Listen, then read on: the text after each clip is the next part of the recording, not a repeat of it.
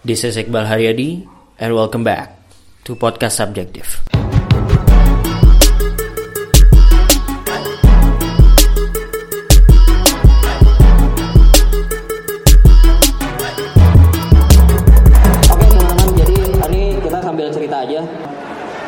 Kalau teman-teman yang belum pernah buka kita bisa ini halaman depannya kitabisa.com. Jadi again kitabisa.com adalah website galang dana online yang untuk berbagai kebutuhan. Sebenarnya untuk benar-benar untuk apa pun. Jadi termasuk juga kita punya beberapa project misalnya project untuk waktu itu ada ada yang kenal Tesla Manaf, musisi jazz. Dia waktu itu bikin uh, tour ke Jepang, dia galang dana ke fansnya lewat kita bisa juga. Ada beberapa film juga yang galang dana lewat kita bisa, tapi memang yang paling banyak itu digunakan untuk project-project sosial. Nah, uh, kita udah jalan dari 2013 dan sekarang kita udah mendanai lebih dari 4.000 campaign.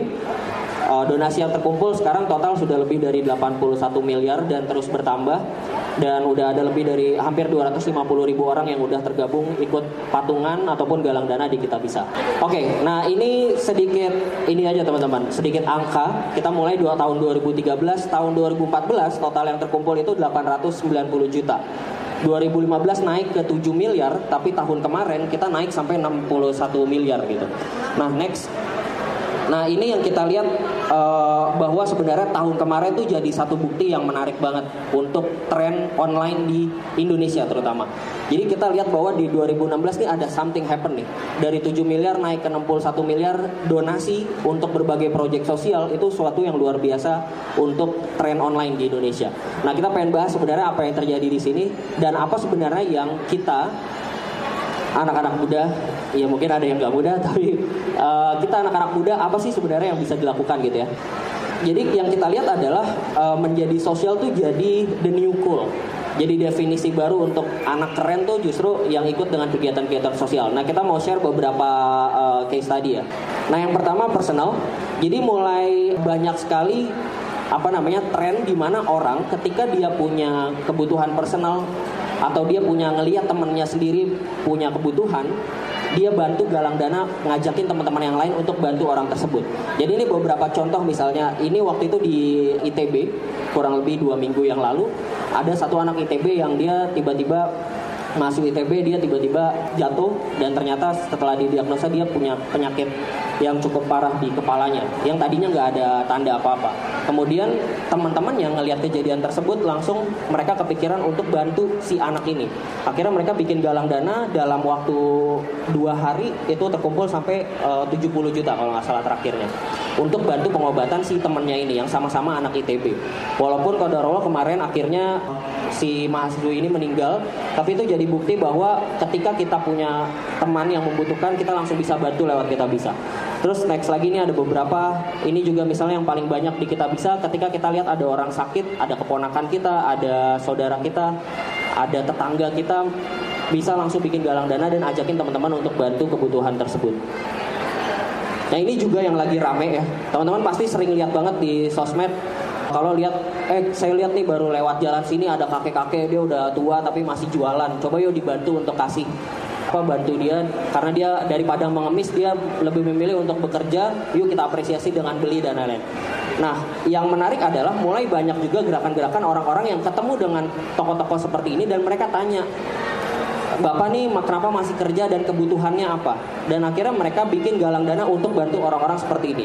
Ini contoh ini di Bintaro ada namanya Cesar dia kerja di salah satu web e-commerce juga dia ketemu sama kakek ini dia bilangnya namanya kakek cincau dia cerita soal kakek cincau ceritanya viral dan dia bikin galang dana untuk bantu ternyata pas ditanya kakeknya dia masih bekerja karena dia pengen merenovasi rumahnya di Cirebon itulah kenapa dia masih ada di Bintaro tiap hari jualan cincau gitu. Dan terkumpul sampai 30 juta dan sekarang masih berlanjut. Next. Ini contoh lain ketika kita punya apa namanya tetangga kita atau teman kita punya anak yang kemudian masih sakit. Ini bayi Rafa nih dia waktu itu dari lahir dia sudah didiagnosa punya penyakit di matanya sehingga dia harus menjalani operasi dengan biaya yang tidak sedikit. Nah, teman ibunya, sahabat ibunya itu galang dana dan ngajakin teman-temannya. Kebetulan ibunya nih tergabung di komunitas ibu-ibu Batak gitu ya. Mereka ngajakin komunitas ibu-ibu Batak ini untuk patungan bantu pengobatan si bayi Rafa dan terkumpul 376 juta. Ini contoh lain sama seperti yang tadi kakek-kakek yang diapresiasi. Kalau ini di UI, dia tukang tambal ban tiap hari naik sepeda sekitar 10 km bolak-balik untuk jadi tukang tambal ban keliling di UI. Akhirnya ada mahasiswa yang ngeliat dan beliin motor. Terkumpul 15 juta. Next. Nah itu contoh personal. Nah kedua tren yang mulai naik itu adalah komunitas. Next lagi. Kita lihat sekarang trennya ada banyak banget komunitas anak muda yang berbasis sosial media yang justru kegiatan komunitasnya adalah berbuat kebaikan gitu. Ini teman-teman pasti cukup familiar ya sama ketimbang ngemis ya. Ini ketimbang ngemis nih di Instagram followersnya banyak di berbagai kota ada cabangnya ada di Jakarta, ada di Cirebon, ada di Jogja dan lain-lain gitu. Nah mereka setiap setiap minggu mereka turun ke jalan cari kakek-kakek atau nenek-nenek yang inspiratif. Mereka angkat ceritanya di Instagram dan mereka secara berkala ngajakin followersnya untuk donasi bahan. Oke, yang ketiga kita juga lihat media itu juga mulai bergeser. Media juga mulai kelihatan trennya bahwa mereka nggak pengen cuma jadi corong yang bercerita membuat konten-konten yang sifatnya hanya menghibur atau hanya memberikan informasi mereka juga mulai bergeser. Mereka pengen media itu jadi corong yang mengajak orang berbuat kebaikan. Nah, next. Jadi orang sekarang media udah nggak pengen cuma menceritakan, tapi mereka pengen juga bikin impact. Nah, contohnya, next. Ini ada contoh uh, real case-nya dari net. Teman-teman sempat lihat kemarin ya, Ibu Sulami, manusia kayu, pasti sempat lihat ya di entah di Instagram, entah di Facebook ataupun di TV itu ramai banget. Ada Ibu Sulami asal Sragen, dia punya penyakit yang cukup langka dan tubuhnya jadi kaku seperti kayu. Awalnya ini diangkat oleh salah satu citizen jurnalisnya net yang ada di Sragen. Diangkat ke net uh, dari net di posting di sosial media dan viral. Next. Kemudian viral di Twitter dan lain-lain. Next lagi. Nah, sampai uh, waktu itu tim net CJ, tim net citizen jurnalis kontak kita dan mereka bilang bahwa Mas ini ramai banget, tapi banyak banget orang yang mengajukan pertanyaan yang nggak bisa kita jawab. Pertanyaan adalah kasihan Bu Sulami, saya pengen bantu, gimana caranya? Akhirnya yang dilakukan adalah mereka bikin halaman galang dana di kita bisa digalang dana oleh Net CJ sebagai media ngajakin followers dan orang-orang yang tahu tentang si Ibu Sulami ini untuk donasi dan bantu pengobatan beliau. Waktu satu hari di share sudah 48 juta. Tapi yang menarik adalah next si campaign ini juga tayang di ini talk show. Dan di satu episode itu uh, Andre dan Sule di awal episode bilang ini kita lagi ada Ibu Sulami, kita bisa bantu beliau kalau mau donasi ada linknya di situ. Kita bisa.com slash sulami manusia kayu. Sambil eh, sambil kemudian programnya jalan, jalan-jalan-jalan sampai di ujung uh, akhir uh, acara itu terkumpulnya 98 juta dalam satu episode itu aja. Uh, ini talk show jam 7 sampai jam berapa tuh? Jam 9 ya itulah pokoknya. Sampai jam segitu itu terkumpulnya dari 48 naik sampai segini, nextnya lagi.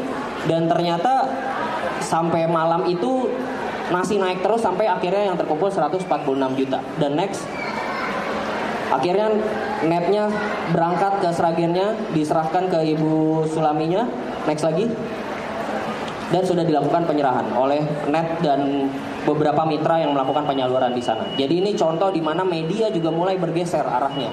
Trennya justru ke arah kebaikan. Next lagi. Itu media yang keempat, ini yang tadi saya sempat cerita, eh, ini juga mulai trending merayakan ulang tahun dengan cara yang berbeda. Konsepnya sederhana. Jadi kita memberikan ulang tahun kita justru untuk orang yang membutuhkan. Karena mungkin kita merayakan ulang tahun untuk diri kita sendiri, tapi toh kita juga nggak butuh apa-apa. Kita udah berkecukupan, kita mungkin nggak butuh kado juga dari teman-teman. Jadi yang dilakukan adalah saya kasih ulang tahun saya untuk orang yang membutuhkan. Saya minta teman-teman saya untuk kasih kado, tapi berupa donasi dan donasinya saya kasih untuk orang itu. Nah, ini beberapa contoh misalnya ada yang ulang tahun untuk anak dengan uh, anak yang berjuang melawan kanker. Ini misalnya Titi untuk Fahrul, dia ngajakin teman-temannya donasi, terkumpul 27 juta untuk Fahrul, pengobatan Fahrul. Next, ada juga yang ulang tahun untuk panti asuhan. Ini NGO-nya SOS Children's Village. Dia galang dana untuk si panti asuhan itu. Next lagi, ini contoh uh, ulang tahun untuk education. Kalau ini cukup senior, ulang tahun ke-50 Ibu Wailin dia galang dana untuk salah satu NGO yang bergerak di bidang pendidikan. Ada juga yang ulang tahun untuk orang hutan, gitu ya.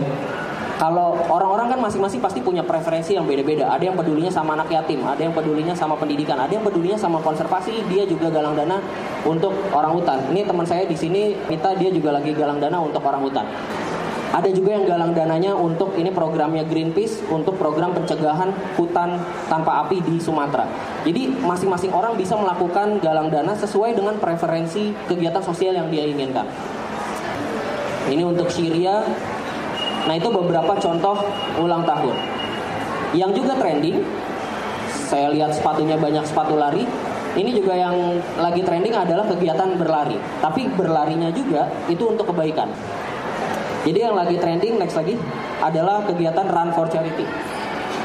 Jadi Run for Charity itu ketika gue mau lari sekian kilometer, tapi gue larinya sambil galang dana untuk isu yang gue pedulikan. Jadi kadang-kadang kan misalnya ada orang-orang yang gak pernah lari nih, ya katakan gendut lah gitu ya, susah untuk lari gitu. Dia mau lari 10 km, gue mau nih lari 10 km, tapi lu support gue dengan donasi karena gue akan lari motivasi gue untuk misalnya untuk konservasi orang hutan dan lain-lain gitu ya. Nah, yang terakhir itu adalah challenge. Challenge ini juga menarik. Jadi masing-masing dari kita itu bisa melakukan challenge supaya kita bisa ngajakin teman-teman kita untuk donasi ke isu yang kita pedulikan.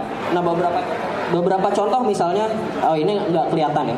Tapi ini contoh misalnya di atas kamu donasi aku pakai kostum Disney. Jadi dia bilang ke teman-temannya, saya lagi galang dana untuk pembangunan sumur di NTT. Lu mungkin gak peduli sama isu sumurnya, sama NTT-nya, tapi lo peduli sama gue. Nah gue nih kalau terkumpul sampai 10 juta, gue akan pakai kostum Disney keliling kokas misalnya. Atau kalau ada nih sebenarnya di sini tapi nggak kelihatan, kepotong. Uh, dia bilang kalau terkumpul sampai 15 juta, gue akan melepas masa jomblo gue. Dan itu ternyata bikin teman-temannya pada donasi. Walaupun akhirnya dari target 15 juta yang terkumpul hanya 11 juta. Jadi dia tetap jomblo, tapi duitnya terkumpul untuk bantu pembangunan sumur di NTT. Jadi ini cara-cara menarik baru anak-anak muda untuk galang dana untuk isu-isu sosial yang pengen kita bantu. So, uh, I think that's all. Be social, be the new goal. Thank you.